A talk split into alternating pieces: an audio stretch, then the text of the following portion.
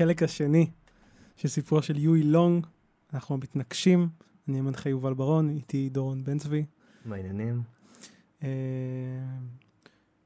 בניגוד לפעמים הקודמות שאנחנו לפעמים מדברים על החיים של, בדרך כלל אנחנו מדברים על החיים של מתנקשים, הפעם אנחנו מדברים על החיים של הקורבן, אה, שנקרא Kingfish, אנחנו נגיע תכף לכינוי הזה. אתה רוצה אולי לסכם לנו טיפה את כל מה שאתה זוכר כזה בגדול עד עכשיו? אמ, אנחנו מדברים על יואי לונג בשנות ה-20. אמ, הוא נהיה מושל של... אמ, ב-1928 בעצם הוא נבחר. ב-1928 הוא נבחר הקמפיין. כן. אה, אחרי הקמפיין השני, אחרי שהקמפיין הראשון נכשל. Mm-hmm. מושל של... אה, תעזור לי פה קצת, אני שכחתי... ללואיזיאנה, לא. כן. כן, לואיזיאנה.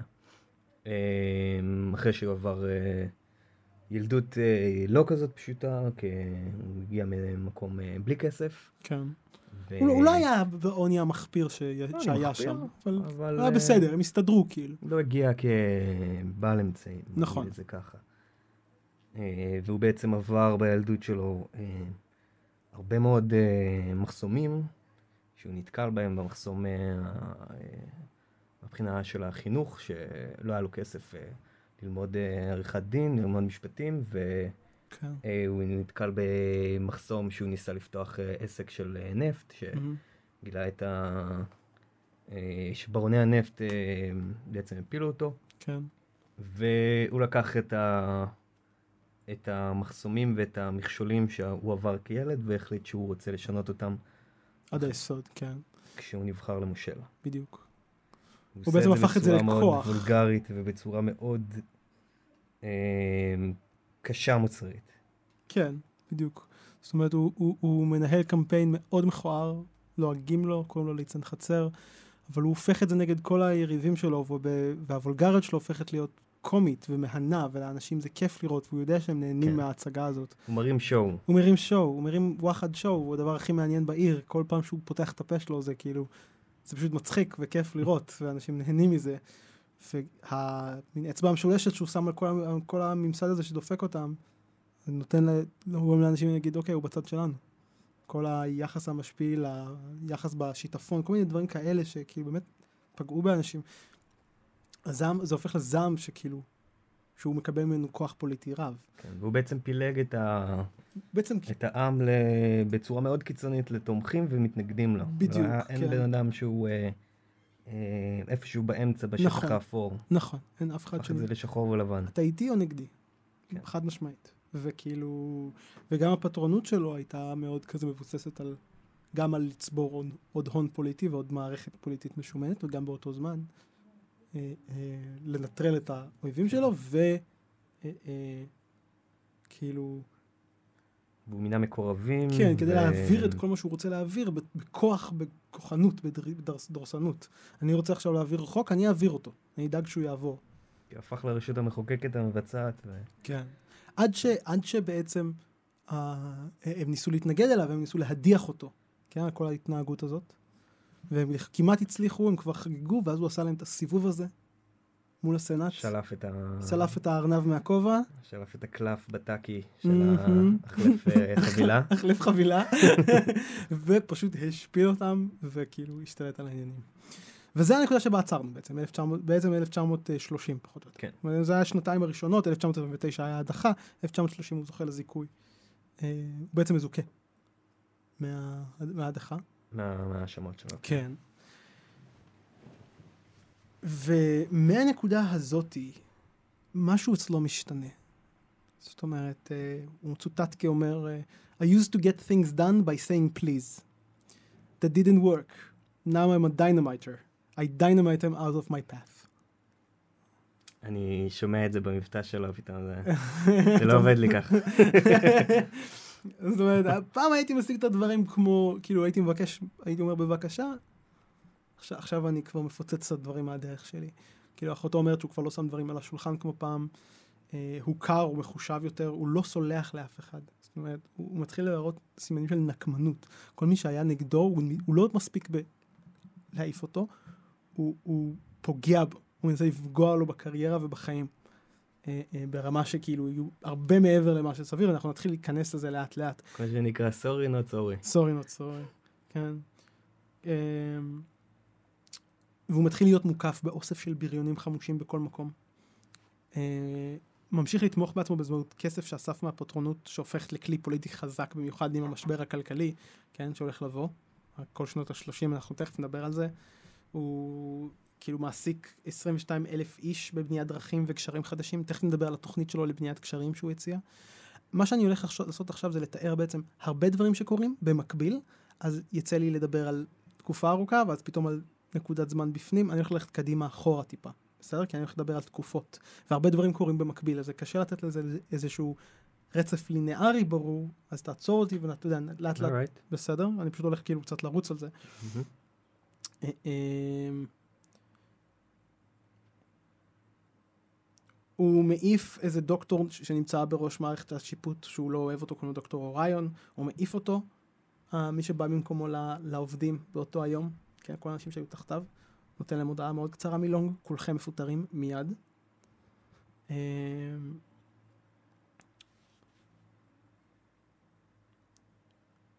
בשנים האלה, כן, בין 1930 עד 1933 והשיא של המשבר הכלכלי, ה-depression, מה שנקרא, Uh, הייצור בניו אורלינד יורד ב-50 אחוז, עסקים קטנים וחוואים מתמוטטים לגמרי.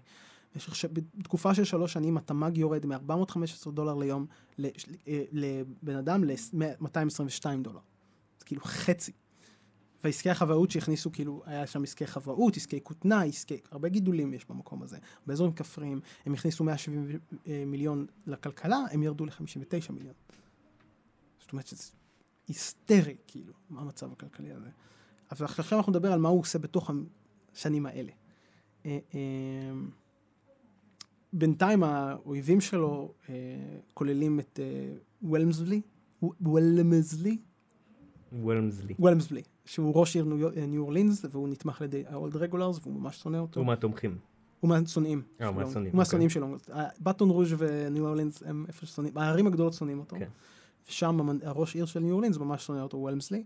ועוד אנשים שזה ג'ון פארקר, הוא בעל חוות כותנה, עשיר, חבר של רוזוולט. מקימים את הליגה אה, אה, אה, The Constitutional League of Louisiana, שזה הליגה נגדו. יואי בתגובה קורא, להם כאילו Old sack of bone parker in the radio croak hour. כאילו, אתה יודע, זה כאילו התקפות מאוד, קוראים לו טיירנט. כאילו העיתונים לועגים לו, קוראים לו סקוויפי סוונג, קוראים לו דמגוג, שקרן, נוכל, ובתגובה אליהם הוא מקים באמת העיתון שלו, Louisiana Progress. שיוצא, לה, שאיכשהו יוצא לדרך הוא מצליח מאוד, למה? כי כל העובדים שלו צריכים לקנות מנוי. אז ישר יש מלא... כל העובדים שלו חייבים לקנות, הוא מוציא גם כאילו... אתה עובד אצלי, אתה חייב לקנות מנוי לעיתון שלי. אין מה לעשות. אהלן. אהלן. אמ, וכבר במגזין הראשון הם מכריזים, לואיזיאנה תתקדם רק אם המדינה תקבור את המאובנים, תדרוס את המתנגדים, תחשוף את השקרנים, תפתח את האוזניים והעיניים כשהלשון מוכנה עם דעה והידיים מוכנות בתא ההצבעה. וכאילו יש קריקטורה שלו מחלק ספרים לילדים, וכזה העיתון היחיד שמספר את האמת האמיתית על ניו אורלינס ומי, ומי שולט בכל. אמ, תוך כדי זה הוא גם פועל כדי להעביר חוקים להעלות מיסים על העסקים של האויבים שלו, כן? כן. זאת אומרת זו טקטיקה אחת שהוא משתמש שהוא בה. מעלה מיסים בעיקר ל... על אה, חברות הנפט, או שהוא מעלה מיסים גם... אה, גם על העיתונים שהוא לא אוהב. העיתונים שנגדו. גם העיתונים כן, כן, כן, חכה חכה, זה הולך להחמיר. גם הקומפטישן. כן. Um, חוץ מזה הוא מקדם שני דברים גדולים. אחד מהם זה uh, לבנות דרכים. דרכים שיהיו במדינה. ב-1928 היו 300 מייל סלולים של דרך סלולה ו-5,000 מייל של דרכי גמבו כאלה, שהם כאילו מצב מחורבן גראבל כזה, כמו דרכי עפר כאלה של, של, של קיבוצים, רק ממש לא סלול. כן? כדי להגיע מניו אורלינס לבטן רוז' זה לוקח בערך 4 שעות ובדרך יש לך 4-5 פאנצ'רים. אז הוא מתחיל אה, בתוכנית לבנות, אמרתי שהוא קודם בנה כל מיני דרכים והוא הראה שכאילו אנשים היו, הגיבו לזה בחיוב. אחרי הטריק עם הסנאט, פתאום היה לו המון כוח פוליטי. פתאום כאילו כל האויבים שלו כזה התגודדו ביחד, הקימו את הליגה, פתאום, פתאום יש לו הרבה יותר כוח. והוא נהיה הרבה יותר רות'לס, והרבה יותר דורסני, והרבה יותר נחוש. וב-1930 הוא מתחיל בתוכנית לבנייה, ש... לבנייה בעלות של 68 מיליון דולר של מערכת כביש מודרני. התוכנית היא להקים 25 אלף מייל של דרך סלולה, 13 אלף מייל של אספלט ו-96 אלף של גראבל בטיפול, בתחזוקה כאילו. Mm.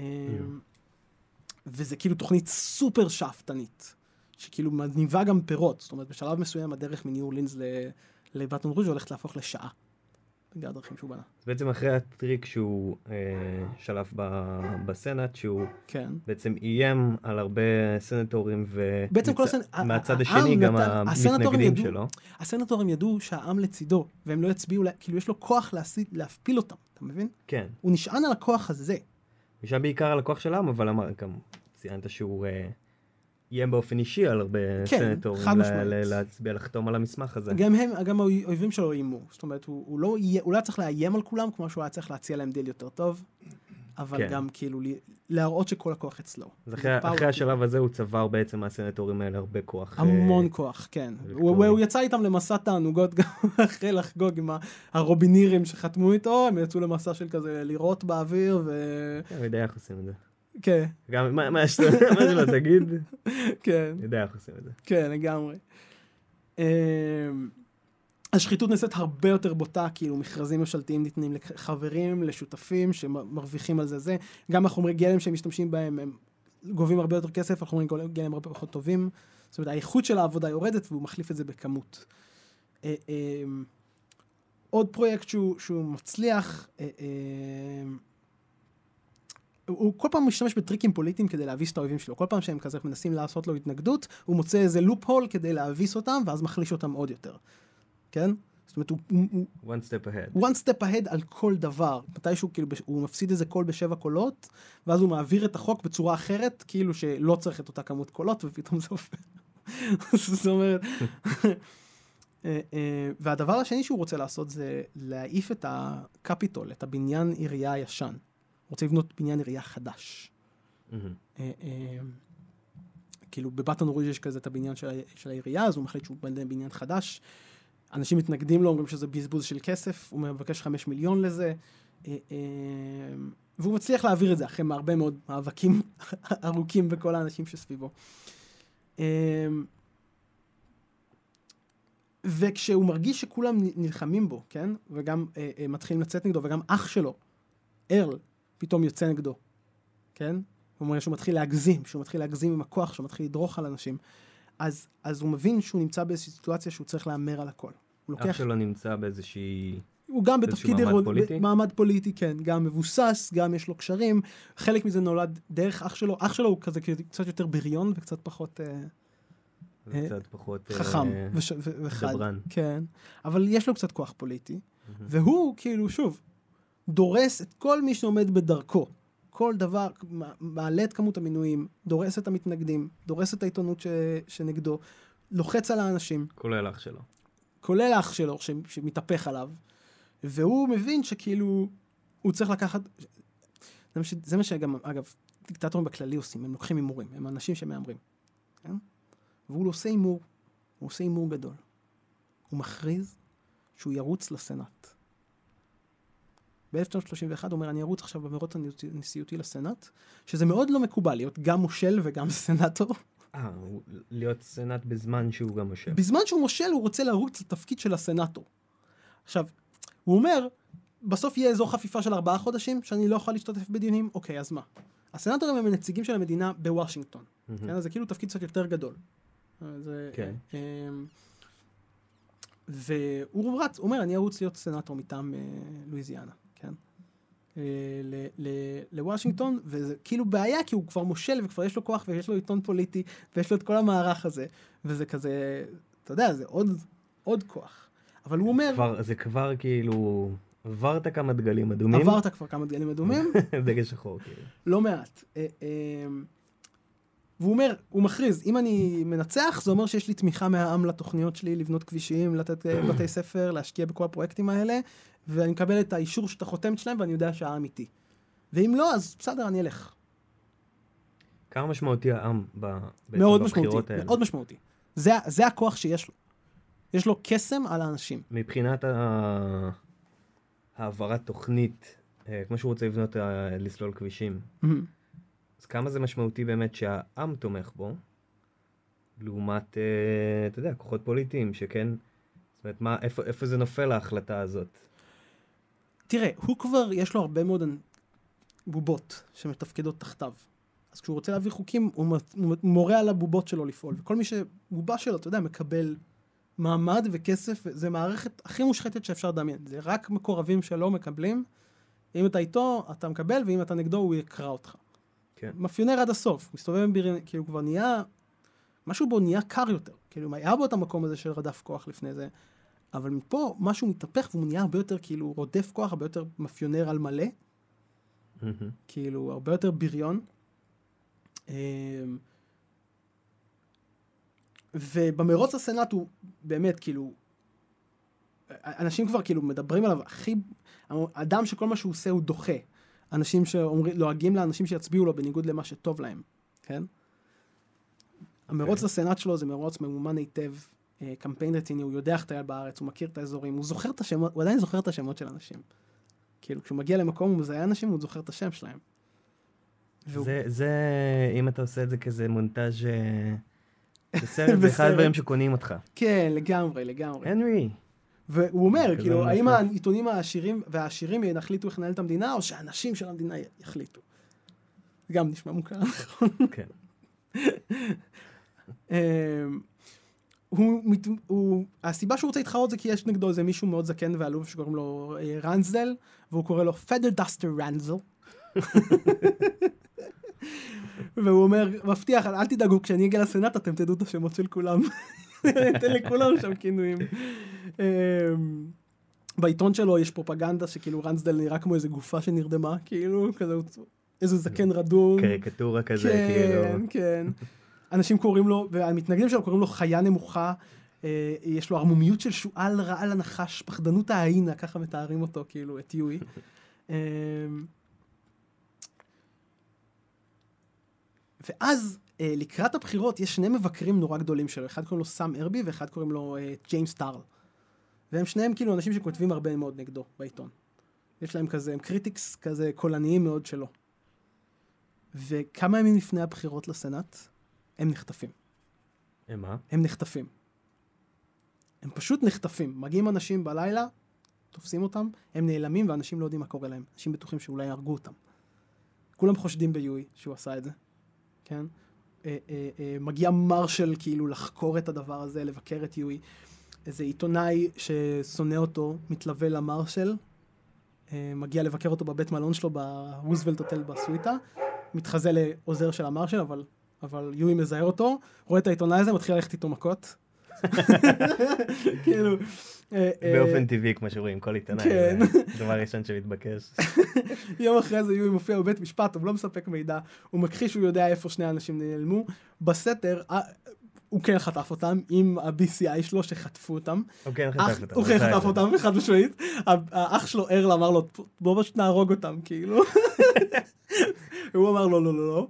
אחרי זה, אה, אה, ואחרי, ואז כמה, אה, ואז אחרי כמה ימים הם, נחשפים, והם אומרים, מלווים בבריונים של, של, שלו, של יואי, הם אומרים, כן, פשוט הלכנו לדייג. הלכנו לציד כמה ימים. לנופס, כן, זה, ואז מבריחים אותם משם שלא ידברו עם אף אחד. והיינו בחופשה פתאום. כמה ימים אחרי הבחירות הם מספרים את האמת, שהוא לקח אותם לאיזה אי בספינה, קשר אותם לעץ ונתן ליתושים לעקוץ אותם. יואו. אבל אז כבר לאף אחד לא היה אכפת, כי יואי ניצח. כבר אף אחד לא היה אכפת מהסיפור שלהם. גאון מרושע. גאון מרושע, ממש. אני מפחד מזה שזה גורם לי להתחבר אליו יותר. אנחנו לא מתחברים לזה, אנחנו מבינים למה הוא עושה את זה, אבל זה מופרע לגמרי, כי אף אחד לא מצליח לעצור אותו. זה יצירתי בטירוף. זה כאילו, הולך ומחמיר כאילו. יצירתי, אתה יודע. אני הייתי חוטף אותם, כן. חוטף אותם וקלאסית, אותם באיזה מרתף. לגמרי. אה, וגם, גם, אגב, ההצבעות עצמם, יש מלא מקומות שזה חשד גדול לווטר פראד, כאילו, ברמה של כזה, יש מקומות שההצבעות הן לא הגיוניות, המספרים לא הגיוניים, ויש לו mm-hmm. שם שליטה במשטרה, כי הם כולם עובדים בשבילו. אה, אה, וכאילו, שוב, מלא אנשים עובדים בשבילו, וזה נראה נורא חשוד, וזה מלא מלא מלא פקפוק, אבל אי אפשר לדעת, אין שום מידע קונקרטי, אבל זה די בטוח שהוא גם רימה בבחירות האלה באיזושהי צורה, אתה מבין? ברמה של כאילו השריף או מי שנאמן לו במקום, והוא הממונה שלו, דואג שכולם יצביעו כמו שצריך. אני מניח שמעורבת בזה הרבה אלימות, אבל אין לי תיעוד של זה. אבל אני מניח שזה קיים ככה, כי זה מה שהמשטרה שלו עושה, יש לו משטרה חשאית כאילו. זה מישהו עומד עם נשק בכניסה לתא. כן, זה היה משהו שעשו, זה משהו שקרה באמת. וזה קרה לפני יואי. אז זה לא מוזר לי שהוא יעשה את זה, כן? Mm-hmm. אחרי זה בהמשך מתישהו יחקרו אותו על זה, והוא יגיד כן, כולם עשו את זה, ובגלל זה גם לא, יח... לא ירשיעו אותו. כשיהיו ראיות חד משמעית. כאילו בנקודה מסוימת בזמן כן, אני לא יודע אם לכל אורך הדרך, אני מניח שחלק מהדרך. אבל אני חושב שהוא גם באמת מרוויח את הקולות, חלק מהקולות. זאת אומרת, זה כזה מורכב. כן, אי אפשר לדעת. אי אפשר לדעת, בדיוק. הוא מתחיל להשמין, יש לו חיים נהנתנים, הוא מתחיל להתלבש סופר פנסי, כאילו, כמו איזה פימפלו נורמלי עם חליפות מהודרות, יש לו כזה, אה, אה, נו, יש לו כאלה מטפחות ורודות, כאילו. הוא נבחר לסנאט, ואיך שהוא מגיע לסנאט, אה, אה, אה, הוא בקושי נמצא שם, כאילו, הוא בקושי נמצא, גם בבית הוא בקושי נמצא, מן הסתם. בבית של המשפחה שלו, mm-hmm. כל התמונה הפסטורלית הזאת, יאללה יאללה, הוא בקושי בבית. אמ, הוא בונה בית חדש למושל של, אה, למושל של, אה, אה, של לואיזיאנה. אני רוצה שתגיד לי כמו מה הוא נראה לך. הופה. זה הבית שהוא בנה? זה הבית שהוא בנה. אוקיי, זה הבית הלבן. זה פשוט נראה כמו הבית הלבן, נכון? זה rip-off של הבית הלבן. הוא בנה בית לבן לעצמו. הוא פשוט בנה בית לבן. כן. הוא בנה לעצמו בית לבן, רפליקה כאילו, כן. במיוחד בשבילו ובמשפחה שלו, שבכלל לא גרו שם, רק כדי שיהיה לו והוא יראה שכאילו... רוב הזמן הוא בבית מלון שלו, הוא חי את החיים הנהנתנים שלו, כנראה יש לו את המערכת יחסים עם המזכירה הזאת שלו. זה קלאסי, זה kingpin, זה קלאסי kingpin, כאילו כן, זה... ממש. זה שם ממש uh, צמוד אליו. ובתקופה הזאת הוא מאמץ את השם Kingfish. כן? אז Kingfish. Kingfish. Kingfish זה כאילו, יש סדרת רדיו שנקראת Amos 'n' Andy, שזה תוכנית מערכונים ברדיו של שני חבר'ה שמשחקים דמויות, mm-hmm. שמי שמנהיג אותם הם כאילו חבורה של כזה prankster ים, ומי שמנהיג אותם הוא קורא לעצמו ה Kingfish, זה כזה כאילו, והוא תמיד מנסה להכניס אותם לבעיות של quick, get rich quick schemes כאלה. Okay. זה אוקיי. כאילו קומדיה כזאת, מין דמות עלובה כזאת קצת, אבל הוא מת על ה moniker הזה, והוא מתחיל לקרוא לעצמו ככה, והוא עונה לטלפון כאן ה Kingfish, כאילו. אנשים מתחילים לקרוא לו ה Kingfish. בתהלוכות של ה Mardi Gras, הוא הולך בראש התהלוכה עם מקל עם ראש זהב, וכאילו מוביל את כל התהלוכה בעיר. זאת אומרת, הוא, הוא ממש ה Kingfish. תשמע, יש, יש לבן אדם כאילו, you gotta hand it to him, יש לו סטייל. יש לו סטייל, יש לו את הסטייל. יש לו סטייל. אין יותר, כן, נכון. ללכת ב parade, אמ, וולמסלי וכל ה... כאילו, האנשים שהיו נגדו וכל הזה, הם מבינים שאין להם איך לעצור. זאת אומרת, הוא ברגע שהוא מנצח שוב ושוב, הוא מביס אותם, מביס אותם, הם נשברים. והם ניגשים אליו להגיע איתו לדיל.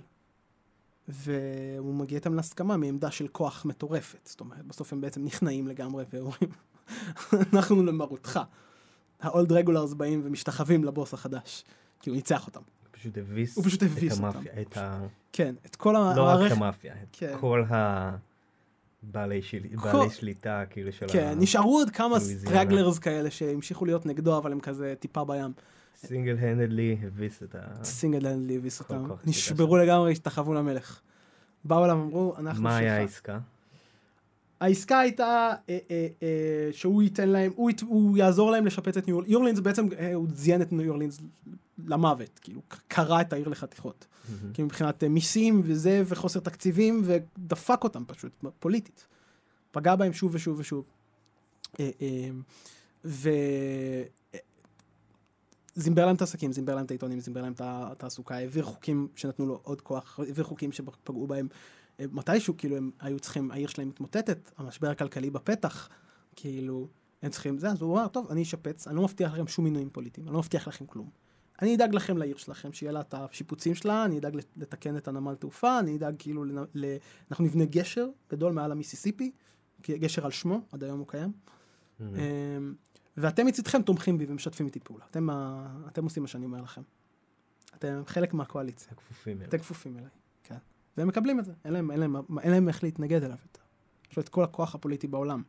לא רק זה, גם, הוא גם כאילו דואג, בזמן המעבר שלו ללהיות סנאטור, הוא דואג שאחריו יהיו ממונים במקומו. התת גוורנר, התת מושל שקראו לו סיר ששונא אותו, מנסה להיאבק בו. והוא אומר, לך לאלף עזאזל, אני, לא דואג, אני לא מטפל בך, אתה בחיים לא תהיה מושל. כן. ואז הוא מביא איזה בן אדם שלו, אה, אמ, והסיר, בתקופה ממש של בכמה חודשים ב-1931 לפני שהוא, עובר, כשהוא מתחיל להתרחק משם, סיר מחליט לנסות לעשות הפיכה במרכאות, מכריז שהוא המושל בגלל שהוא עזב, עכשיו אני המושל. מכריז על עצמו המושל, מתבצר בתוך, אה, בעיר כאילו, בניו אורלינס, ואז, אה, סליחה, בבניין הקפיטול, ו... יואי פשוט חוזר לשם, מביא את הצבא, מקיף עם הנשיונל גארד את כל, Jesus. את כל הזה עד שסיר אומר, טוב, אני לא רוצה למות, אני לא זה, מתקפל כאילו כמו ילד. והוא מוחק אותו, כאילו, הוא מוחק אותו, גם אחרי זה גם מעביר חוק כדי לדפוק לו את העסק, כדי שהוא לא יהיה לו כלום, כאילו. פשוט מזמבר אותו, שם במקומו אחד שקוראים לו אוסקר, שהוא מין כזה בחור חמוד ופשוט כזה, שפשוט מציית לו פאפי מוחלט. אה, קוראים לו אוסקר קיילי משהו, אז כולם קוראים לו אוקיי. זה הכינוי שלו? אוקיי, כי הוא מספיק, כי הוא אומר הכל, כן אוקיי. להכל. אמ,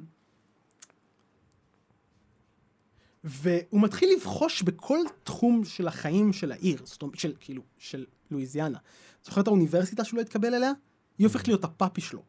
הוא מקדיש מלא כספים לאוניברסיטה. הוא מתחיל להכיר את ה... הוא בא ל, ל, ל, לפגוש את הדיקן, בדרך הוא לפגוש את המנהל של האוניברסיטה, בדרך הוא פוגש את, את, את הדיקן שקוראים לו פריי, הוא אומר לו, יא ילד, רציתי לפגוש את הנשיא. אז, אז פריי אומר לו, אני יותר גדול ממך.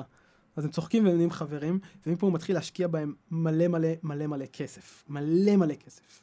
זאת אומרת, אה, המוני דולר לשיפוץ תחזוקה של הבית ספר הכושל, הוא הופך אותו לאחד המקומות הלימוד הכי נחשבים ונערצים. זה רנסאנס לימודי, מחקר חדשני, מושך יוצרים או כותבים מפורסמים, הוא מקים מחלקה רפואית גדולה, הוא, הוא פותח מחלקת מוזיקה, הוא מרים אופרה, תזמורת.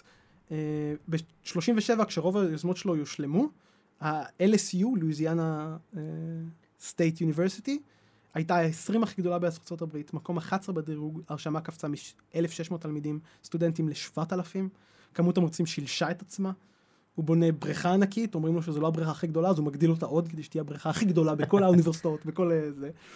מדהים. מדהים. Uh, מדהים ולא מדהים, כי מצד שני, הוא גם עם הזמן מתחיל לשלוט בה יותר, ודואג שאף אחד לא ידבר נגדו, וכל מרצה שלא משתף, שלא מדבר עליו, הם מפחדים לדבר על פוליטיקה, הם, זה כן. משטר של אימה, זאת אומרת, הוא ממנה, הוא מתחיל למנות בכל תפקיד, בכל מקום הוא ממנה אנשים. וזה שהוא עזב את המושלות של לואיזיאנה, לא משנה.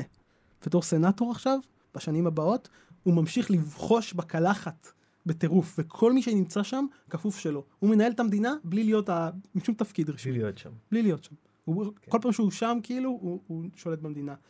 Um, הוא משקיע בנבחרת פוטבול, כאילו, ברמה של כזה, בא לאימונים שלהם, בא לראות את ההופעות שלהם, הוא בא אליהם מאחורי, כשהם לא מצליחים, כשהם לא מצליחים לנצח, הוא בא אליהם מאחורי זה, נותן להם פפטוק. כאילו, המושל בא למועד, לנבחרת, מדבר אליה, תנצחו, אתם יכולים. אם תנצחו אני אתן לכל אחד מכם עבודה. ומנצחים, וכאילו מתישהו זה כזה מאמן אחד כבר מתנגד לו, אומר, מגרש אותו, אומר, תעזוב אותנו. אז הוא אומר, טוב, אבל אתם, you better win. ואז המאמן אומר לו, אל תדאג, אני, אני, לא משנה לי אם אנחנו מנצחים, אני מתפטר בסוף היום. אחרי זה המאמן אומר לאלה, תקשיבו, אני אף פעם לא ביקשתי לכם משהו אישי, אתם חייבים לנצח. כדי שאני אראה לו מה זה, כאילו, אתה יודע, המאמן, הם מנצחים והמאמן הזה מתפטר. זה כאילו בין הסיפורים המטורפים כזה שנתקלתי בהם. אתה מבין, זה כזה micro-management מטורף. אמ, זה מדהים, זה כאילו, אה, תשמע, זה, זה ללא ספק יש פה את, ה, את כל האלמנטים של דיקטטורה, אבל, כן. אה, אבל זה מדהים כמה, כמה הוא חדור וכמה הוא, אה, כמה הוא כן. משקיע. Hands on בכל תחום, כן. תרבות, כן. ספורט, אה, כן. אה, אה, חינוך, רפואה. Mm, כן. פשוט נכנס לכל מקום, הוא מגיע לשם פיזית והוא משנה את הדברים. כן. זה ממש. ה, שוב, עם הדרך שלו יש הרבה... זה, זה הרבה, הרבה דעות מאוד חלוקות, אבל אני מאמין, אבל כן. בסופו של דבר, אתה יודע, אתה מסתכל על בן אדם לפי מה שהוא עשה. כן. הרבה, זה, זה, זה, אנחנו נדבר, אנחנו נדבר על זה תכף, אנחנו נדבר על זה תכף. אז אוקיי, אנחנו נעשה פה עכשיו פאוזה, אנחנו נצא להפסקה קצרה, ואחרי זה אנחנו נחזור ואנחנו נדבר על השנים האחרונות, מ-33, הקשר שלו עם רוזוולט, אה, והשיא הגדול של כל הדבר הזה, וההתמודדות.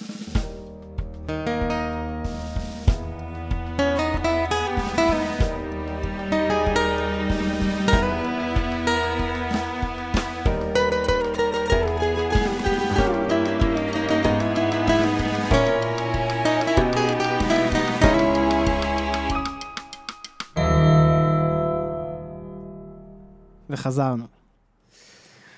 אה, אנחנו מדברים על יואי פי לונג, Kingfish, בשלבים המאוחרים של הפיכתו למלך. הוא ניצח בסנאט, הוא השפיל את כולם, ומה שקורה בשנים האלה זה פשוט מ-33 עד 35 קורים הרבה מאוד דברים. אנחנו ננסה לרוץ עליהם ולגעת בהם, ואני הלוואי והייתי יכול לגעת בהם בעומק בכל דבר.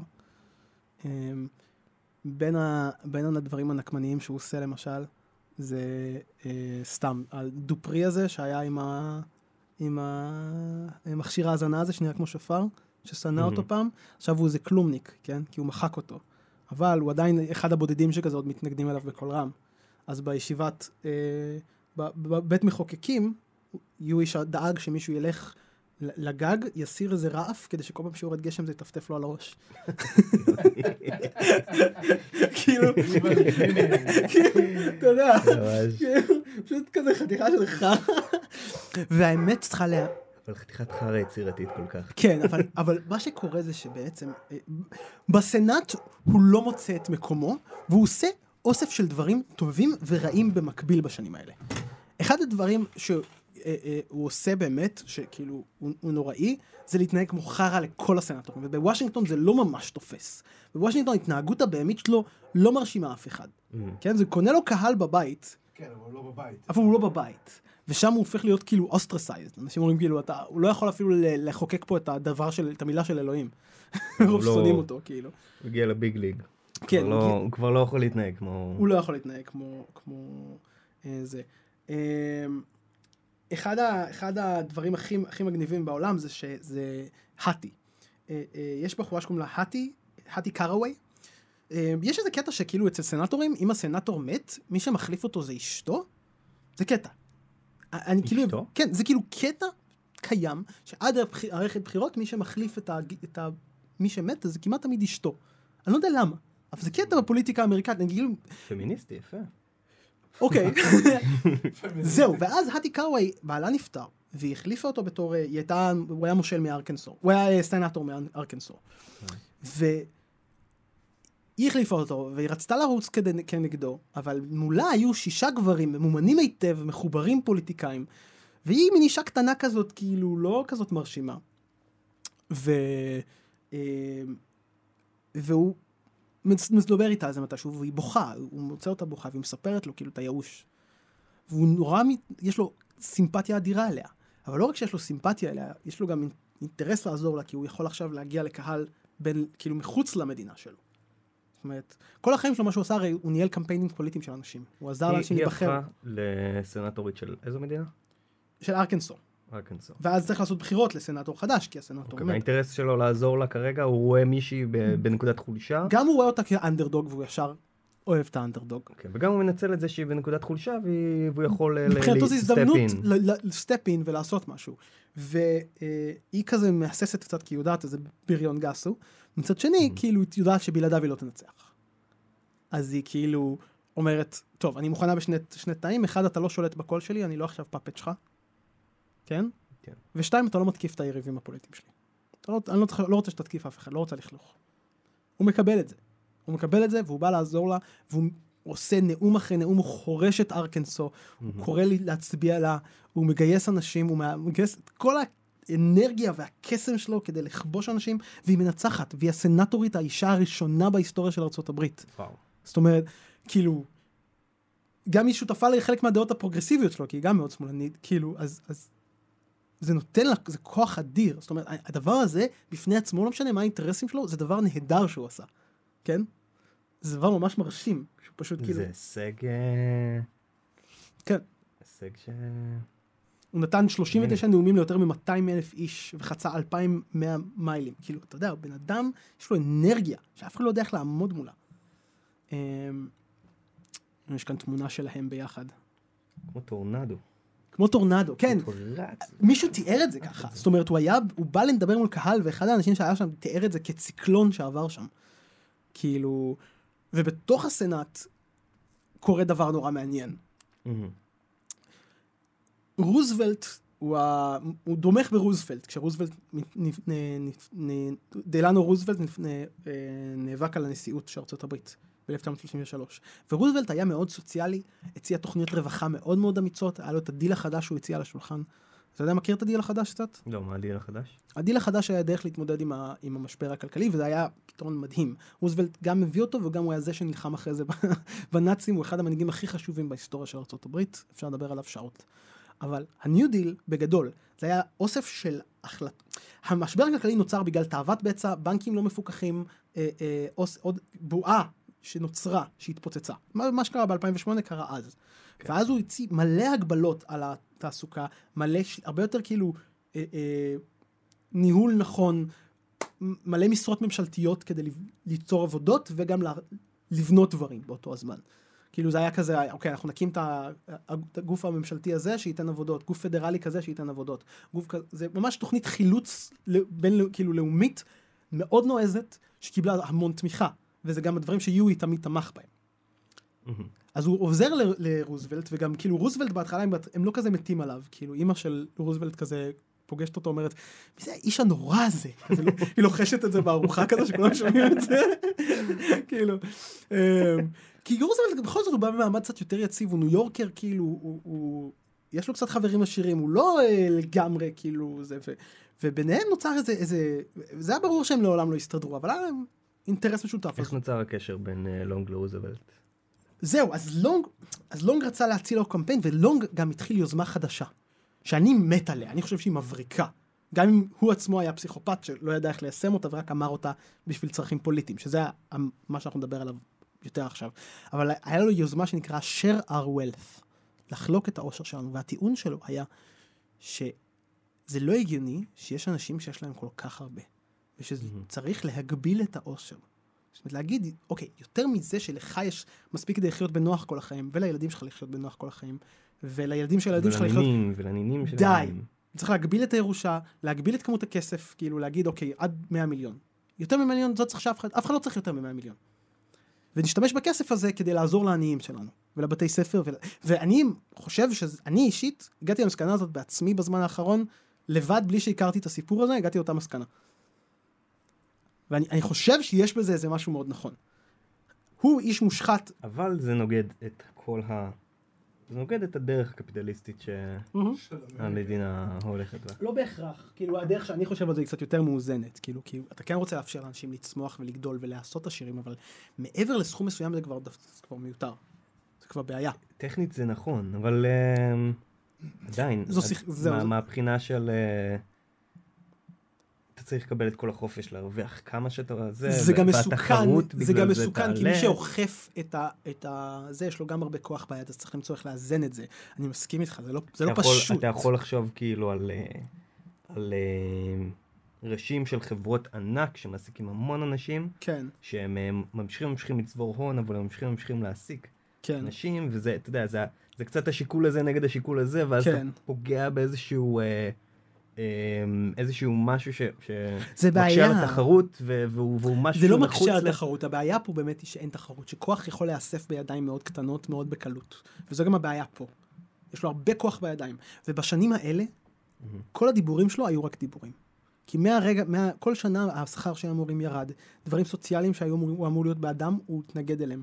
גם רוזוולט, אחרי שהוא נבחר, שניהם לא היו צריכים אחד את השני יותר, והם התחילו להתרחק, והוא היה המבקר הכי קולני של רוזוולט מצד שמאל. והתוכנית שלו, שרה וולף... כנגדו.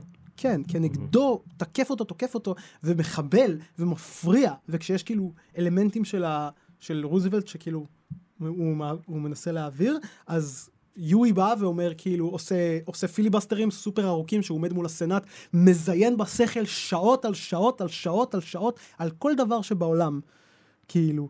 ואז כזה תוך כדי הוא אומר, אולי נעשה הצעה שאתם חייבים להקשיב לי. ואז אנשים אומרים, לא, לא, זה יהיה אכזרי מדי. אומרים לו את זה. כאילו, אחד הפיליבסטרים שלו היה 15 שעות. שתבין. אתה יודע מה זה פיליבסטר? סליחה שאני ישר אמרתי את המושג לא- ולא הנחתי כן, שכן. מה זה פיליבסטר? פיליבסטר זה כשאתה רוצה לעצור חוק, אז לפעמים אתה פשוט עוצר את ההצבעה. זה סוג של אה, אה, מחאה. זה לבוא לתת נאום שהוא מחאה, כן. שאתה בא מול, כאילו, מול הכנסת ואתה פשוט מדבר נונסטופ ולא נותן להם להצביע. עכשיו, עכשיו זה, זה קצת כזה, זה קצת מפגר ויש בזה קסם, כי זה אומר שאם אתה באמת מאמין במשהו, אתה תעמוד שם שעות, כן. ויש בזה משהו הפגנתי. כן. ואז זה לא משנה מה אתה אומר, אתה פשוט, זה קרקס. והוא מלך בזה. אז הוא כאילו שעות... זה אז... שוק, אבל יש בזה משהו הפגנתי. יש בזה משהו הפגנתי שיש, שיש בו ערך כקונספט. אז, אז הוא בא ועושה את זה המון נגד חוקים של רוזוולט, נגד החוקים שלכאורה הוא היה אמור להיות באדם. וחלק מהביקורת שלו היא גם נכונה, יש מקומות שהוא אומר, הדבר הזה ישרת את התעשיינים. ויש מקומות שהוא סתם, כאילו. וזה די ברור שהוא כזה, הוא קצת השתגע עם כוח. כאילו, הוא קצת משתגע עם כוח. והוא, ו, אה, אה, מתחיל גם לרדות בתוך לואיזיאנה, הוא רודה בהם באכזריות. זאת אומרת, הם, הם, אה, והם מנסים לעשות last standing. יש לי שאלה קטנה. כן. רוזוולט היה שותף לתוכנית הזאת של אה, לונג של... אה, שבאיזשהו שלב ה... של ה-share wealth, לא, כן. לא, הוא, הוא בא להציע את זה לרוזוולט, ורוזוולט אמר לו, אוקיי, אוקיי, אוקיי, אין בעיה. דחה את זה הסף. כי הוא אמר לו, כאילו, כאילו התנחמד אליו, אבל לא... בהתחלה עוד היה להם שימוש ביואי, כי הם גילו שכשהוא הולך למקומות עניים, הוא מצליח לשכנע את כולם להצביע לרוזוולט. יש לו איזה כסף, כי הוא לא מדבר כמו אינטלקטואל, הוא מדבר כמו אידיוט, הוא מדבר כמו אהבל. הוא מדבר לעם. הוא מדבר לעם, בגובה שלהם, בעיני, כן. בגובה שלהם, והוא מצטט את התנ"ך הרבה, והוא וכאילו... פשטות, וזה הכוח שלו, mm-hmm. כן? וכאילו גם המקומות שבהם הוא מתנהג כמו בהמה, אתה רואה שזה מחושב. כשהוא יושב לארוחת ערב עם אנשים, הוא אוכל כמו בהמה, אם הוא לא אוהב משהו, זורק אותו על הרצפה, כוס אמא שלכם. כל, ה... כן. כל הסטייל שלו זה פרובוקטיבי. פרובוקטיבי, אבל כשהוא יושב עם חבר שלו סימור, המנהל של הבית מלון, הוא אוכל יפה ומנומס. זאת אומרת, כן. הוא מראה שהוא יודע. כן. כן? גם כמה חלק מהנאומים שלו זה פתאום כזה, היו פעמים שכזה, במקום לעשות קרקס, הוא נתן נאומים ממש רציניים, מאוד מפורטים היטב, ואנשים כזה, אה, אה, אתה יכול להיות טוב. כאילו, כזה. ו... זה מדהים, היה, היה, אם אפשר להכניס איזשהו קטע קטן. אה? היה אה, משפט של הסולן של Twisted uh, Sisters. נו. ב... מה זה היה? בשנות ה-60 אני חושב? אמ, כשטענו שהמדינה טענה נגדו, שמוזיקה, אה, המוזיקה שלו היא הגורם להרבה התאבדויות בארצות הברית. ובסופו של דבר הצליחו להעלות אותו למשפט, והוא הגיע למשפט. סולן של Twisted Sisters, כולו מקועקע עם פירסינג, תלתלים על אוקיי. הכתפיים, נראה mess, big mess. נכנס בלי עורך דין ומקריא כמה אה, דפים שהוא כתב, okay. אוקיי. בצורה הכי רהוטה, הכי אלגנטית, ספרותית אפילו. וואלה. ו- וזוכה במשפט, בלי, בלי עורך דין, בלי כלום, בלי מדהים. זה. זה פשוט זה בא, מדבר שיש... מהלב, מדבר בצורה רהוטה, יפה ונקייה ו- וגבוהה. כן. זאת אומרת, ההפך ממה שהיית מצפה, היית מצפה שהוא מהם, כאילו, כן. הם רואים אותו בעיניים שלהם, הם רואים אותו איזה מישהו מהרחוב שמגיע וכאילו... אתה יודע, כן. הוא ילך ויזרוק להם אבנים באמצע משפט או משהו, אבל כאילו בא ונתן את שלו יפה מאוד.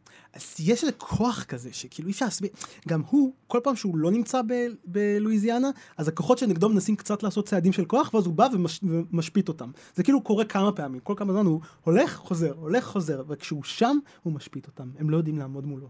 מתישהו כאילו, mm. יש כזה, הוא בא לבית מחוקקים, כי הוא גם היה נכנס לוועדה, יש ועדה, אז הוא פתאום נכנס פנימה ומסתכל עליהם. כאילו, הוא, מתפרץ לוועדות, הם לא יודעים איך לעצור אותו. יש דיון של מחוקקים, ואחד המחוקקים מנסה להגיד, מה זה החוק הזה? זה חוק לא, אני לא רוצה להצביע לזה, ואז הוא פשוט, אני לא מבין, ואז יואי פשוט בא אליו, עומד קרוב, מסתכל עליו, ואז הוא משתתק. הוא משתתק. הוא עושה, זה, הוא עושה לו חיוך קטן, הוא מסתכל לכולם, ואף אחד, וכולם מתעלמים מהאיש הזה. כאילו, כזה, שולט בהם כמו כלבלבים. וכל הדברים האלה מגיעים לשיא ב-1934. כי קורים כמה דברים. אחד, Share Our Wealth שלו מתחיל לתפוס תאוצה, הפמפלטים שלו, הוא עושה תוכניות רדיו, הוא נעזר גם בכל ה... יש לו את מאסטרי האיטלקי הזה, יש לו את הכמה חברים שהם עשירים שעוזרים לו, שהם mm. נאמנים אליו. כן? והוא מגייס את כל הכוחות האלה והוא הוא, הוא עושה תוכניות רדיו, ויש אנשים שמתחילים לקבל את האידיאולוגיה הזאת, את ה, כאילו מתחילים להקשיב לו, הוא, יש לו טיעונים שבחלקם, אני גם חושב שיש בהם איזשהו בסיס.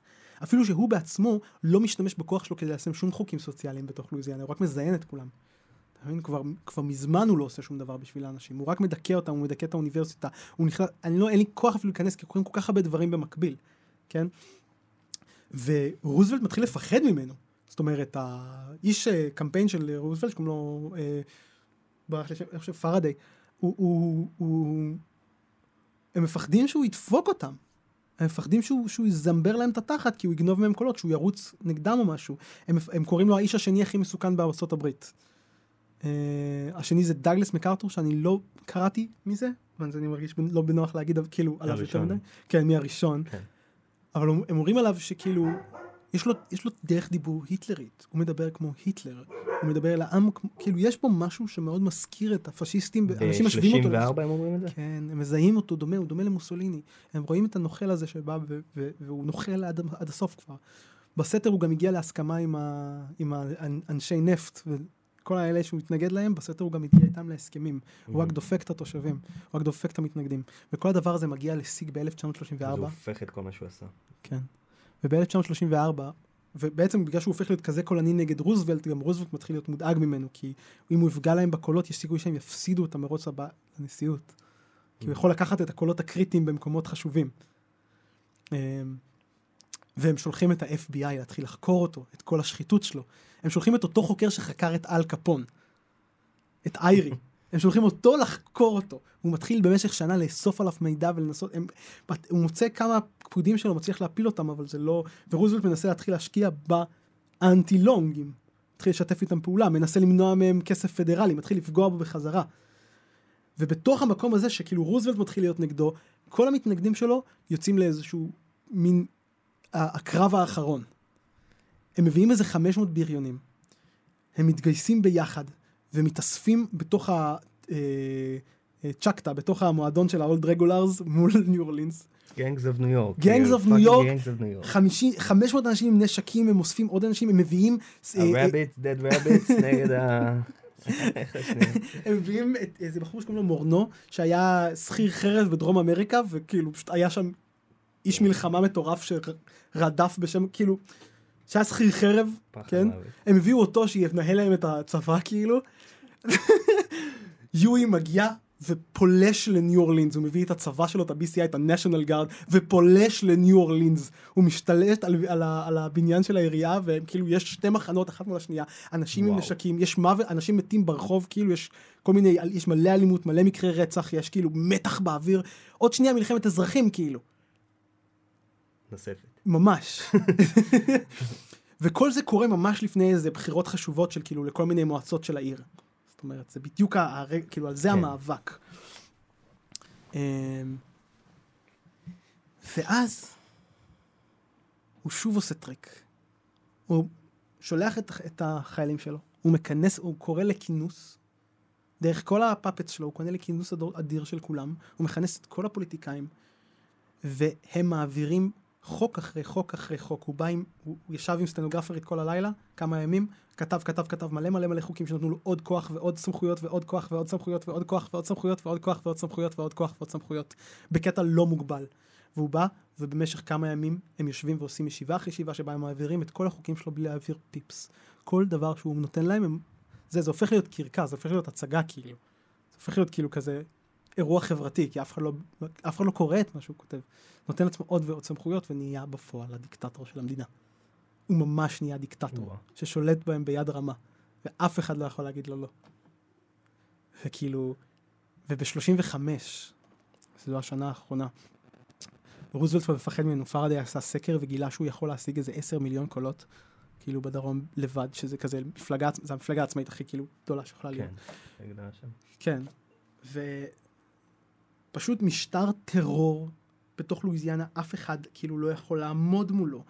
וכאילו... אה,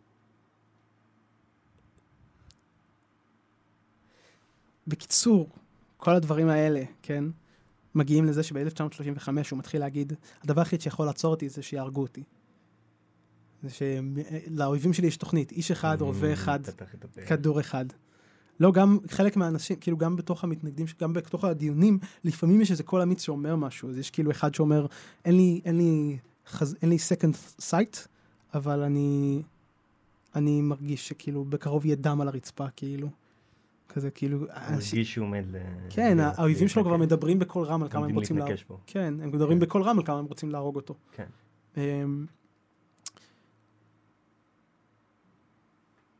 גם יש כאילו עדויות מטורפות של כזה נגיד סופר שבא לבקר אותו מוצא אותו במיטה כזה כועס על כולם שכזה רוזוולט נגדו והאלה נגדו ואז הוא כאילו מתחיל להיכנס לרנט פוליטי שהוא אומר אה, אה, איך הייתי רוצה שיהיה בחירות כל חודש? אני אראה להם שאני זה אני הצלתי ילדים מעוני שלחתי גברים לקולג' חילצתי קהילות מהבוץ טיפלתי במטורפים אך בראשים כאילו משתגע. מאבד את זה. לגמרי כאילו. אמ, וגם מתחילות להיות חקירות יותר ויותר חקירות על כל הדרכים שהוא אחד הדרכים שהוא עשה זה שהוא מינה אנשים להיות אה, דאמיז כאלה שיהיו האחראים על ההצבעות כדי להסיט את כל ההצבעות איפה שהוא רוצה, ככה הוא יכול למנות את מי שהוא רוצה. אין דמוקרטיה יותר. אין דמוקרטיה, הוא מחליט מי, מי נבחר ומי לא נבחר. ואם אתה לא בצד שלו, הוא יחרל לך את העסק, את החיים, את הקריירה, הכל, אתה כלום. הוא עושה ממך שום דבר. פשוט מוטט את השיטה. מוטט אותה. והתחיל ממקום טוב. כן. ואז פשוט כאילו הורעל. סיפורו של דיקטטור אה, רגיל, קלאסי. כל דיקטטור כן, מתחיל זה, טוב, זה, לא? זה ממש... אה, הרבה מאוד תראה. דיקטטורים מתחילים... אה, לא לגמרי, לגמרי. הרבה אנשים כאילו מתחילים מ- מממש רעיונות, אה, מחשבות טובות, אה, כוונה טובה, כן. ובאמת אה, ממקום גם תמים יחסית. כן. אבל ה- כן. ו- ו- הכוח פשוט השתלט עליו. אבל הוא בכלל לא עשה יותר שום דבר, כאילו גם שום דבר טוב, כל הדברים שהוא דיבר עליהם הוא לא עושה אותם, הוא לא עושה שום דבר בשביל אנשים, הוא רק מבטל חוקים סוציאליים, הוא רק עוצר אנשים, הוא רק דורך על הוועדים, הוא דורך על האנשים, כי, כי זה כבר עניין של לשלוט. כוח, כן. כן. וכאילו, גם, אבל גם הזעם נגדו הצטבר, כי גם החברת נפט שהוא זימבר לה את התחת, כן? הוא הרג אותה, הרס אותה עד היסוד, אז כל העובדים, הם פיטרו מלא אנשים. באטון רוז' וניו אורלינס סובלים, הוא מזמבר אותם, הוא שונא את הערים האלה בקטע קטנוני כאילו, כן? מהמם. אה, ויש להם כבר מיליציות חמושות, המתנגדים שלו כבר קוראים לעצמם מינוטמן, הם מתחמשים כאילו. מינטמן? כן, הם קוראים לעצמם מינוטמן. כן, בכוננות. והכוחות האנטי לונגים עושים איזה פגישה שהוא מצוטט לה, כי הוא בשליטה על הכל, אה, שבה הם כאילו, שהיא נועדה כדי להראות לרוזוולט שיש כוחות נגדו, נגד לונג. אפילו שאין להם שום כוח, כי הם כולם כאלה סמרטוטי רצפה. אין להם כוח מולו. אה, בסוף כן, זה כאילו, הם, הם פשוט... אה, לא, אבל זה נשמע כאילו צבר מספיק אויבים ש...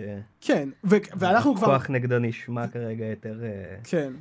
במשך שישה. חודשים הם כבר תחת מרשל לא, כאילו. כבר יש מרשל לא בש- בשטחים, זה מדינת משטרה עד הסוף. אין לצאת בחוץ, אין להתאסף, כאילו הסיבה היחידה שההתאספות הזאת קורית זה מסיבות פוליטיות כדי להראות כאילו. אבל בוועידה הזאת הם גם מדברים על זה שכמה הם רוצים להרוג אותו. הם פשוט מדברים על זה, יואו, אנחנו שונאים אותו, צריך להרוג אותו, צריך להיפטר ממנו, צריך לזרוק אותו לשמן, כאילו, אתה יודע. אמ,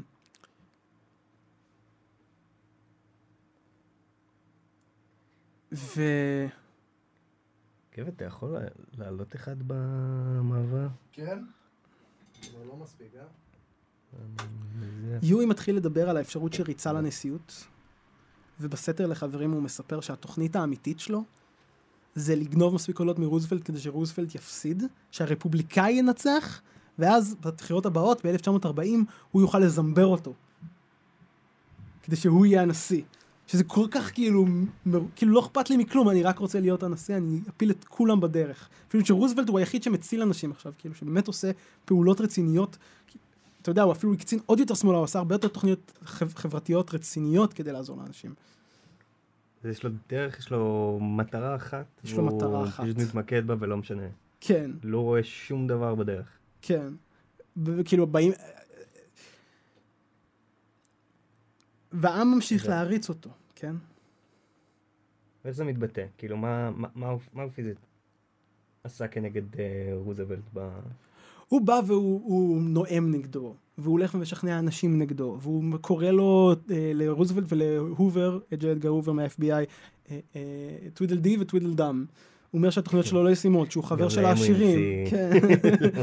שהוא שקרן ונוכל וזה, וכאילו רוזוולט מתישהו גם, רוזוולט בהתחלה הוא כזה מאופק ובסוף הוא כזה כוס אימא שלך מתחיל לדפוק אותו עם, עם תקציבים, וגם ככה, הוא כזה מושחת, כל המערכת שלו רק בחוב ענק, הוא הגדיל את החוב בפי מיליון, כי הוא רק מוציא, רק כאילו הכל נעשה לא נכון, שום דבר לא מנוהל טוב, כאילו הוא, הוא מינה את, ה, את המזכירה שלו להיות אחראית הכספים ב, במושלות, ובעצם היא זו שבכל, הכל- היא בעצם המושלת שלו. להיות המושלת של אה, לואיזיאנה בפועל, כאילו שולטת בכסף, אבל כזה, עליה איכשהו כולם הופתעו, כי היא אמרה כזה, אני בכלל לא רוצה לעשות את זה. אבל היא כנראה עשתה עבודה, אבל היא עשתה עבודה טובה איכשהו, בקטע מוזר, כאילו זה היה במקרה. אתה מבין? אז כזה, בדרך... היה לו מקורבים למנות. כן. תופס את. ה... ו... פשוט כל מי שלידו שעדיין לא שונא אותו.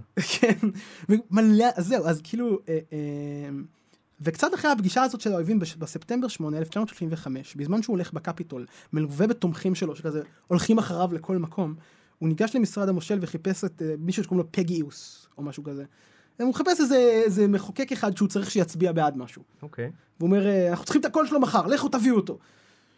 שהוא הולך שם בתוך הבניין של הקפיטול, שהוא הבניין החדש שבסוף הוא בנה, שהיה, שזה בניין הקפיטול הכי גבוה בעולם, זה בניין מטורף, אני אראה לך תמונה תכף, כן? בית מחוקקים הפסיכי שהוא בנה. זה נראה כמו הבית הלבן? לא, זה הבית שלו, לא, הוא זה גם הבית בנה בניין שלו. קפיטול פסיכי ש... נכון. לא נורמלי, אני אראה לך תמונה תכף. אה, בבטון רוז' שהוא רצה משהו זה, והוא הולך ופתאום באותו רגע אדם רזה, קטן, עם משקפיים קטנות, שיער חלק ושחור וחולצה לבנה, כובע פנמה ביד, מחזיק רובה ויורה בו ירייה אחת בבטן. וואו. כן. כל שומרי הראש מתחילים לירות עליו חזרה, מחוררים אותו באיזה של... בין 30 ל-60 כדורים. יואי כזה הולך משם עם הבטן, יורד במורד המדרגות בזה שלו ופוגש את, את, את בחור שקוראים לו ג'ימי שהוא כזה אוהב אותו, מה, הוא אומר לו מה קרה קינגפיש? ג'ימי מי בוי, ירו בי. לוקחים אותו לבית חולים. לוקחים אותו לבית, חולים כאילו, וזה ברור שיש לו דימום פנימי, זה פגע לו בכבד. אה, מנסים להביא את המומחים בכי מהר שאפשר, אבל המומחים נוסעים כל כך מהר שהם עושים תאונה בדרך. אה, וכאילו מי שמטפל בו הוא לא כזה מומחה. הם, הם עושים עבודה גרועה, ובארבע לפנות בוקר הוא נושם את נשימתו האחרונה. אוקיי, עכשיו... ועכשיו אנחנו נדבר קצת על האפטרנף.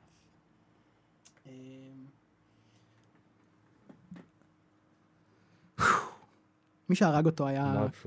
אה? כן. המון המון דברים קרו. זאת אומרת, גם ה-FBI כבר היה קרוב לסגור עליו את הטבעת, גם רוזוולט... כך אבל כבר, אתה יודע, זה היה...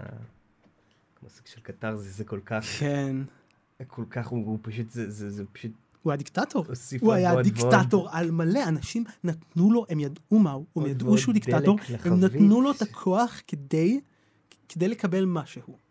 ולהראות למערכת מה זה, זה, הוא כל כך מזכיר את טראמפ, כבר כמה עיתונים דיברו על זה, כאילו מצאתי אוסף של כתבות שמדברים על וואי, הוא ממש דומה לטראמפ, מלהשמיץ את האויבים שלו, ועד הפופוליזם, הרדיפת כוח, הליצנות. השחיתות, הליצנות, ההילבילי, הפרובוקטיביות שלו, כן, ממש. כן, ובסוף הוא גם לא באמת האמין במה שהוא אומר, שזה דומה לט- לטראמפ. גם הוא לא באמת מאמין בשום דבר, הוא רק אומר את הדברים הפופוליסטיים כדי לקבל כוח, וזהו. וברגע שהוא נמצא בעמדת כוח, הוא רק משתמש בכוח להשיג עוד כוח, ולא עושה שום דבר בשביל... זאת אומרת, הוא רק דפק את, ה, את, ה, את העיר שלו. זה לא באמת, זה לא מדויק. בהתחלה, גם הוא וגם בהתחלה הוא עשה דברים טובים. גם הוא וגם טראמפ. הם עשו הרבה דברים כשהם נבחרו, ו- וזה מרגיש כאילו, יש להם באמת דרך די דומה. כאילו... אני לא יודע אם טראמפ עשה יותר מדי דברים. טראמפ הוא, היה... הוא עשה, הוא עשה, היה, היה לו הרבה דברים שהוא הוציא לפועל, זאת אומרת, אה, חלק ממה שהוא אמר, אני לא, אני כבר ממש לא, לא בזה, אני לא יכול Mm. עכשיו כן. לבוא ולטעון טענות אה, שאתה תוכל לתפוס אותן, אבל אני כן, אני כן זוכר שהוא עשה באמת, הוא, היה- הוא הוציא לפועל הרבה דברים. כן. ביטל ושינה, אבל עשה. אבל לפחות. יואי כאילו עשה את הדברים הפופוליסטיים שהם קצת עוזרים, אני מרגיש, ופה זה כזה לבנות חומות לאסור אה, מהגרים, אני לא רואה שום, דבר טוב בזה גם, אפילו קצת כזה. לא, לא טוב, לאו דווקא טוב. משהו שהוא, אבל פעולה. פעולה, אומרת- כן, הערצת הפעולה, כל הדברים האלה כן. זה, זה מאפיינים פשיסטיים דרך אגב.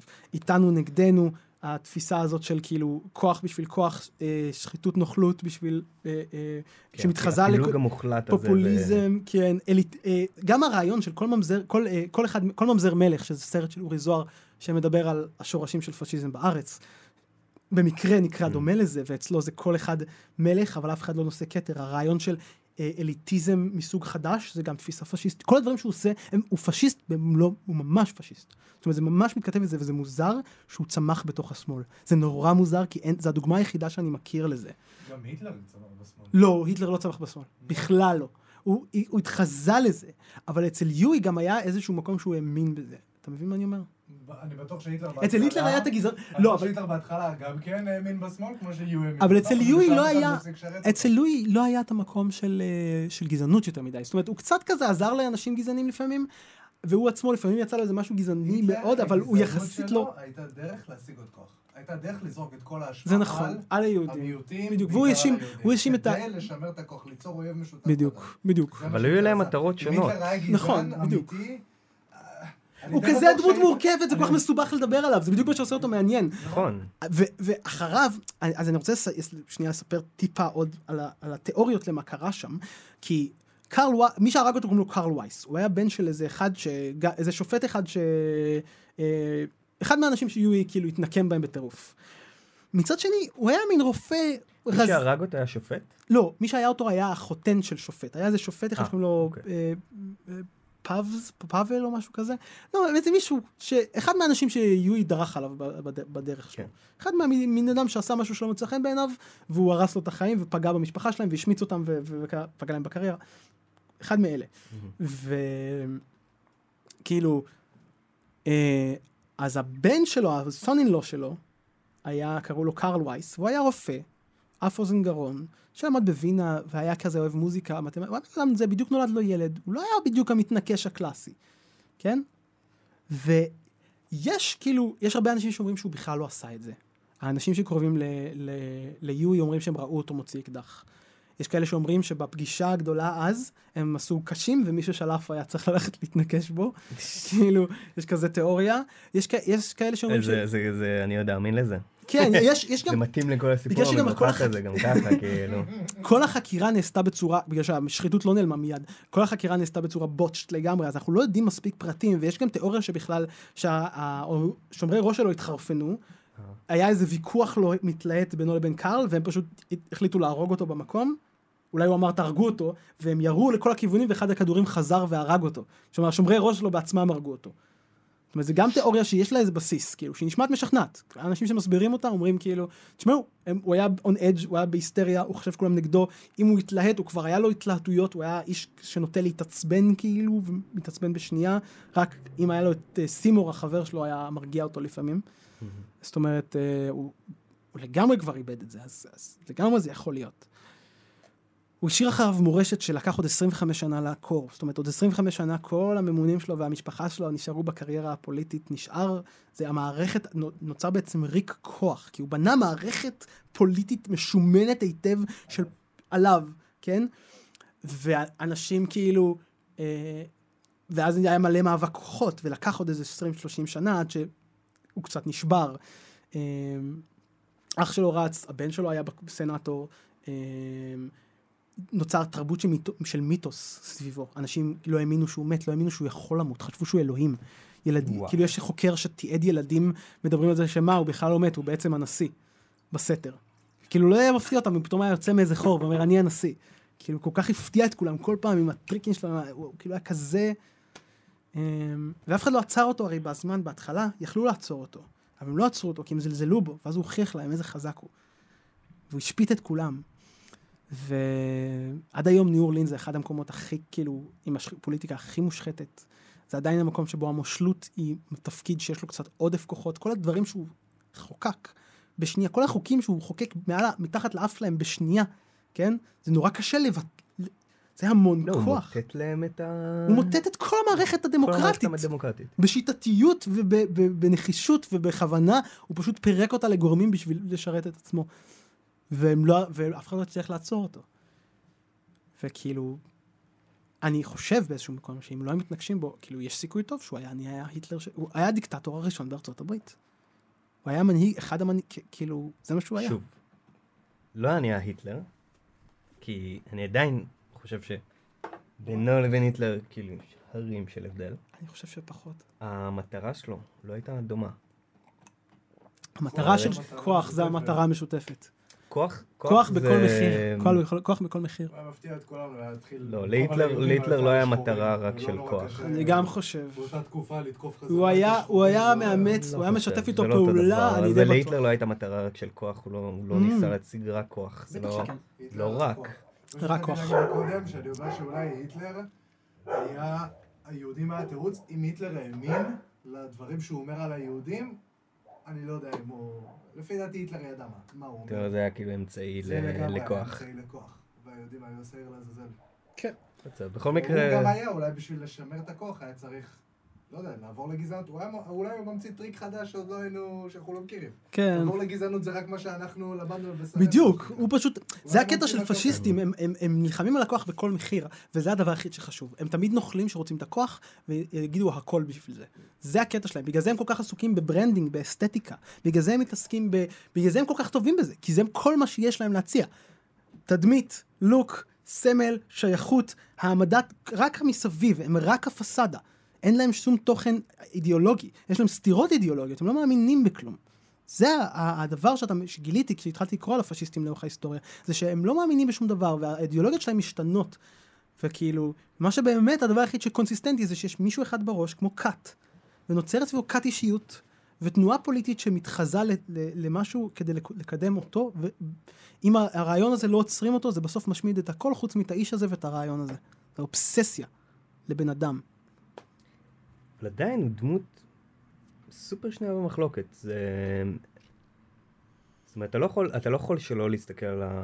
שלא ל- לנקוף קצת לזכותו את ה... את המעשים, את, ה... את מה שהוא עשה כאילו אתה יכול בתחילת להבין את השלטון זה, שלו, אתה יכול בתחילת להבין, ה- אתה- אני יכול להבין את זה, אבל אני לא יכול לנקוף את זה אני לזכותו. לא יכול להבין את השלב השני. אני לא יכול להבין את, ה... את ההתמכרות, את האובססיביות לכוח, את ה... את ה... זאת אומרת, אני יכול להבין את זה תיאורטית, אני לא יכול להבין את זה כאילו שזה תמיד ברמה אני חושב הזאת. שזה תמיד נמצא שם. כאילו, זה תמיד היה שם אצלו. וברגע שאף אחד לא עצר אותו ולא היה מגבלות, הוא התחיל להשתגע. אני חושב שלהפך, לא ברגע שאף אחד לא עצר אותו ולא היה לו מגבלות, אני חושב ש... כשלא קיבלו שהוא- אותו אולי. ברגע שהוא התק... הוא, הוא, הוא התחיל להתקדם, זה מרגיש לי כל כאילו, נוספו לו עוד מגננות, היו לו עוד דברים שהוא צריך להגן, כאילו, הוא נהיה... אמ, אמ, לשמר.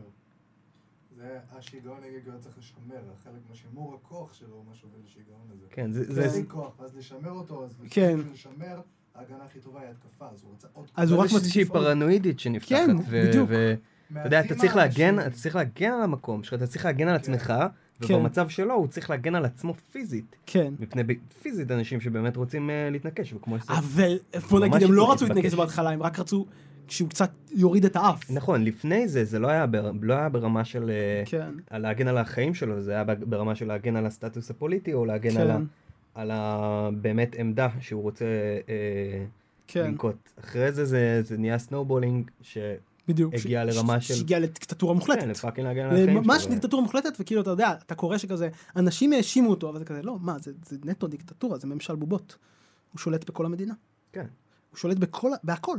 בתקשורת, במשטרה, בבית מחוקקים, במערכת המשפט, הכל שלו. אין כלום שלו שלו. הוא הפך למפלצת. כן.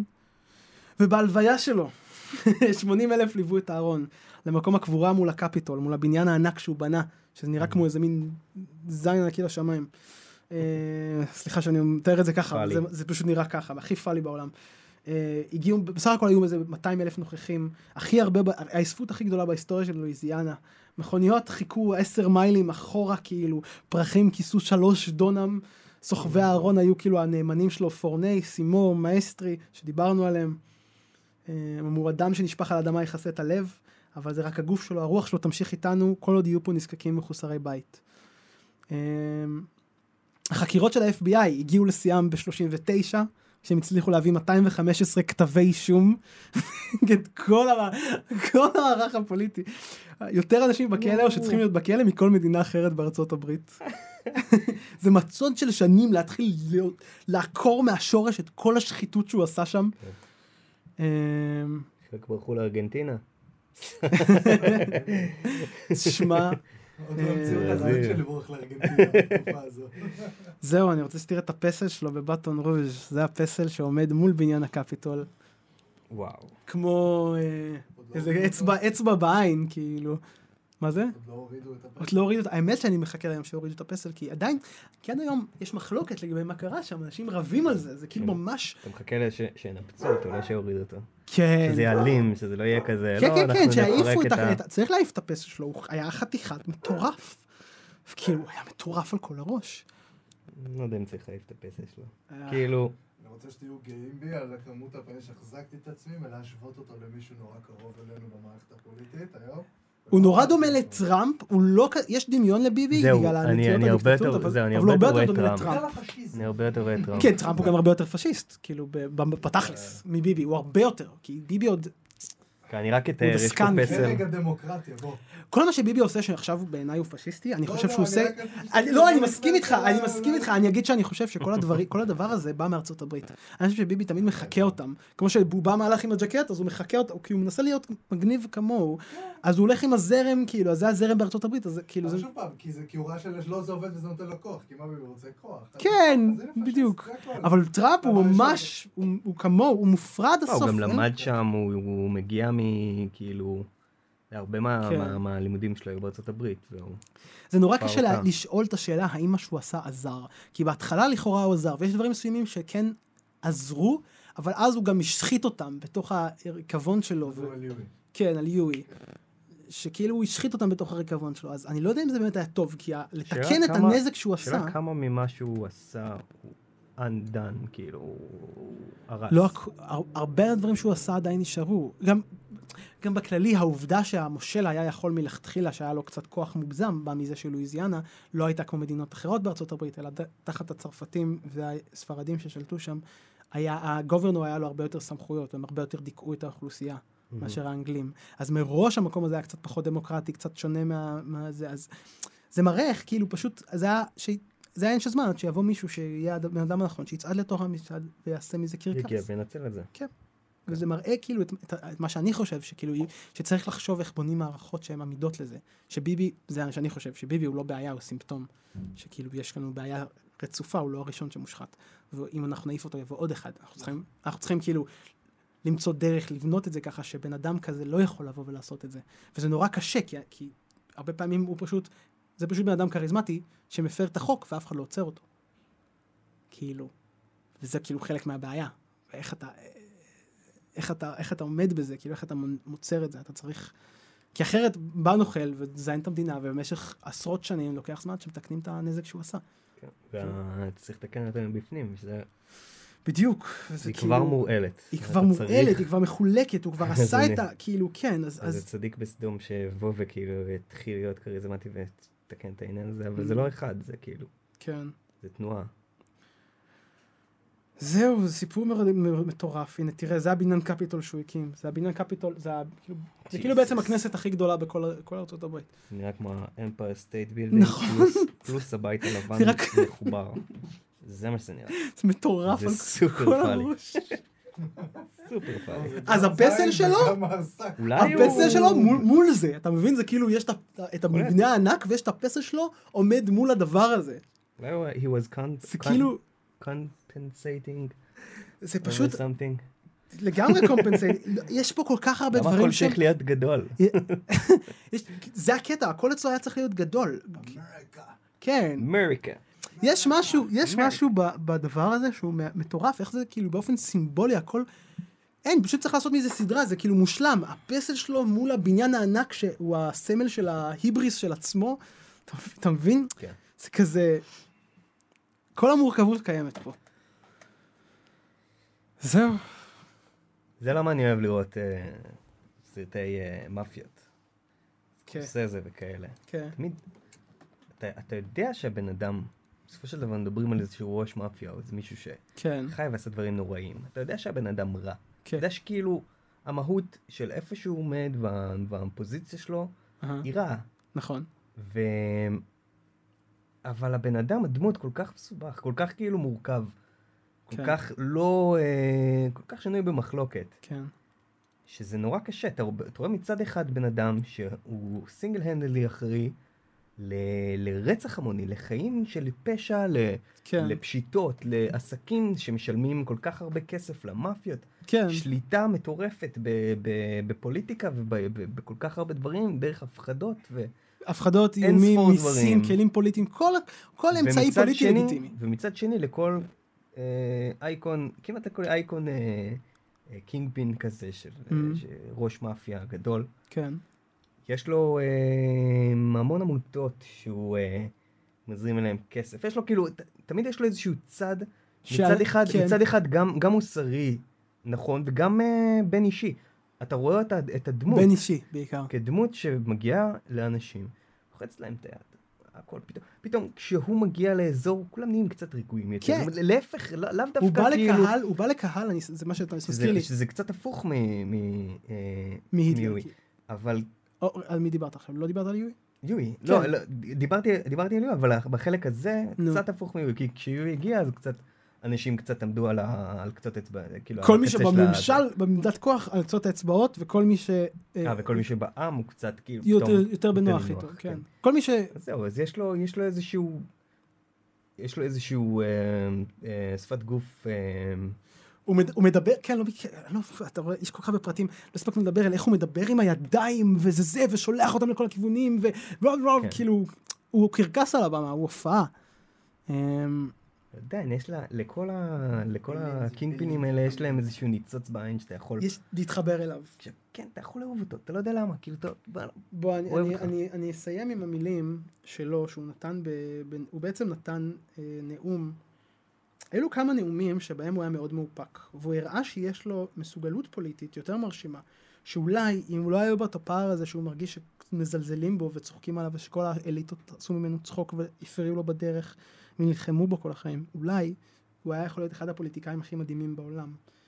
אמ, אני רוצה להקריא את זה כי זה פשוט, אה, קראתי את זה וזה, באותו הרגע אנשים היו כזה, לשנייה הפסיקו לראות אותו כליצן בריון מרגיז, ושנייה גם האנשים ששנאו אותו בסנאט, גם רוזוולט, פתאום ראו אותו כבן אדם. זה רגע שהוא נחשף לרגע.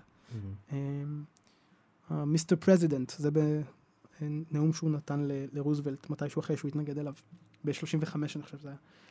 I am not undertaking to answer the charge that I am ignorant. It is true. I am an ignorant man. I have had no college education. I have not even had a high school education. But the things that takes me far in politics is that I do not have to color what comes into my mind and into my heart. I say it unvarnished. אני אומר את הדברים בלי ליקוק. אני לא אומר את מה שבא לי ללב. I say it without veneer. אני לא עושה הצגה. כאילו, אני לא עושה וניר זה כאילו בלי חינכון. זה כן, זה כאילו בלי... כן, I have not... I have not the learning to do otherwise, and therefore my ignorance is often not detected. I know the hearts of people, because I have not colored my own.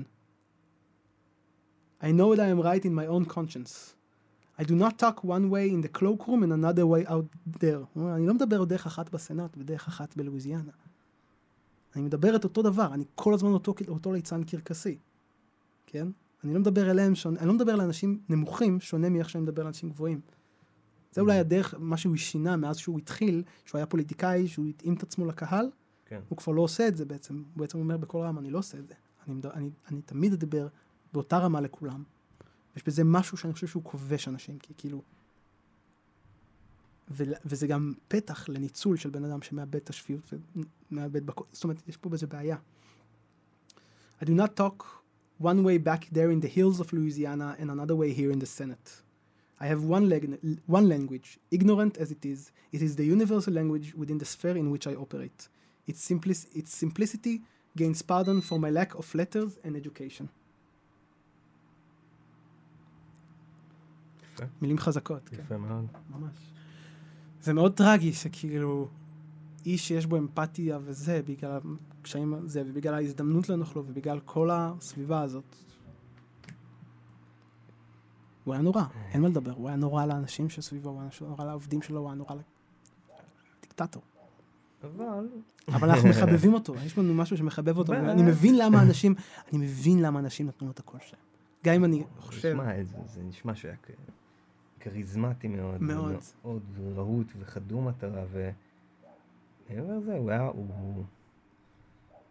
אתה יודע, זה... היה לו את ה drive הזה, היה לו כן. איזשהו...